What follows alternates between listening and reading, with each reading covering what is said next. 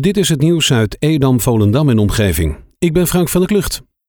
De politie zoekt een auto die in de nacht van de dood van de 14-jarige Tamar op Mark is gezien. De auto, een grijze Mazda 3, is vastgelegd op camerabeelden een uur voordat Tamar werd gevonden. Het gaat om een zilveren Mazda 3 hatchback met zwarte velgen en witte kentekenplaten. Op camerabeelden is te zien dat de auto rond drie uur s'nachts aankomt op het parkeerterrein. De twee inzittenden blijven volgens vermoedelijk ruim twee uur zitten in de auto. Rond half zes stappen zij uit, lopen ze naar de voorkant van de auto, stappen weer in en rijden weg. Inmiddels heeft de politie al honderden tips binnengekregen over deze Mazda. FC Volendam heeft het jubileumduel ter ere van 100 jaar voetbal in Volendam gewonnen van RKAV Volendam. Het duel waarbij voor de eerste keer een beperkt aantal toeschouwers aanwezig mocht zijn, eindigde in 5-0 voor de ploeg van trainer Wim Jonk. Lang zag het er naar uit dat de Volendammer ploegen met 0-0 de kleedkamers in zouden gaan. Beide teams kregen wel wat kansen, maar het duurde ruim een half uur voor zowel FC Volendam als RKAV Volendam tot grote mogelijkheden konden komen. FC Volendam ging met de rust de 2-0 in en eindigde de wedstrijd met 5-0. De politie heeft gisteren twee mannen van 20 en 21 jaar en een vrouw van 20 jaar uit Purmerend aangehouden in een onderzoek naar diefstal met geweld en afpersing. Een man uit Venlo kwam via een datingsite in contact met de 20-jarige Purmerendse. Toen hij op 14 juni jongsleden een afspraakje met haar had, werd hij door twee mannen bedreigd en mishandeld. Tevens moest hij zijn bankpassen en pincodes afstaan. Het slachtoffer hield meerdere botbreuken over aan dit incident. Rechercheonderzoek leidde naar de drie verdachten en de politie sluit niet uit dat zij meerdere slachtoffers hebben afgeperst en bedreigd. Aanstaande vrijdag zullen de verdachten worden voorgeleid aan de rechtercommissaris.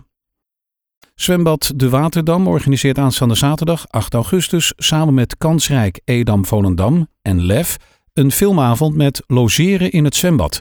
Om 6 uur zijn jongeren tussen de 13 en 17 jaar van harte welkom om binnen en buiten te komen zwemmen, maar ook een film te kijken in de openluchtbioscoop en te blijven logeren op het terrein van de Waterdam.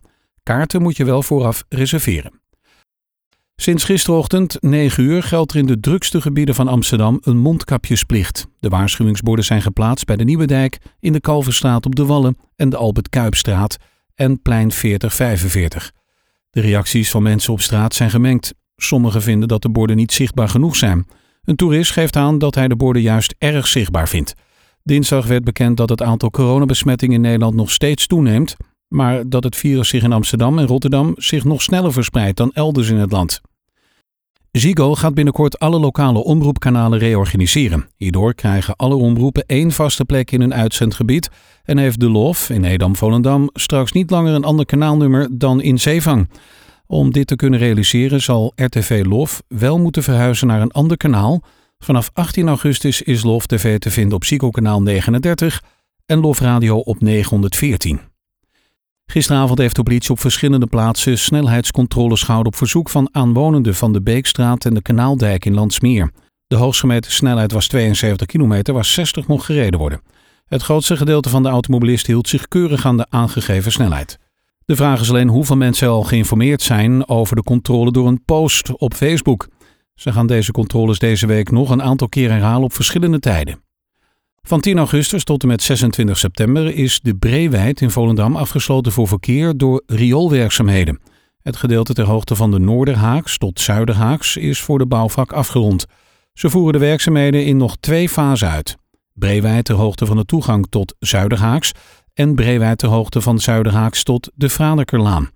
Per fase is een gedeelte van de Breewijd niet toegankelijk voor verkeer. De Zuiderhaaks blijft tijdens alle werkzaamheden bereikbaar via rijbetonplaten.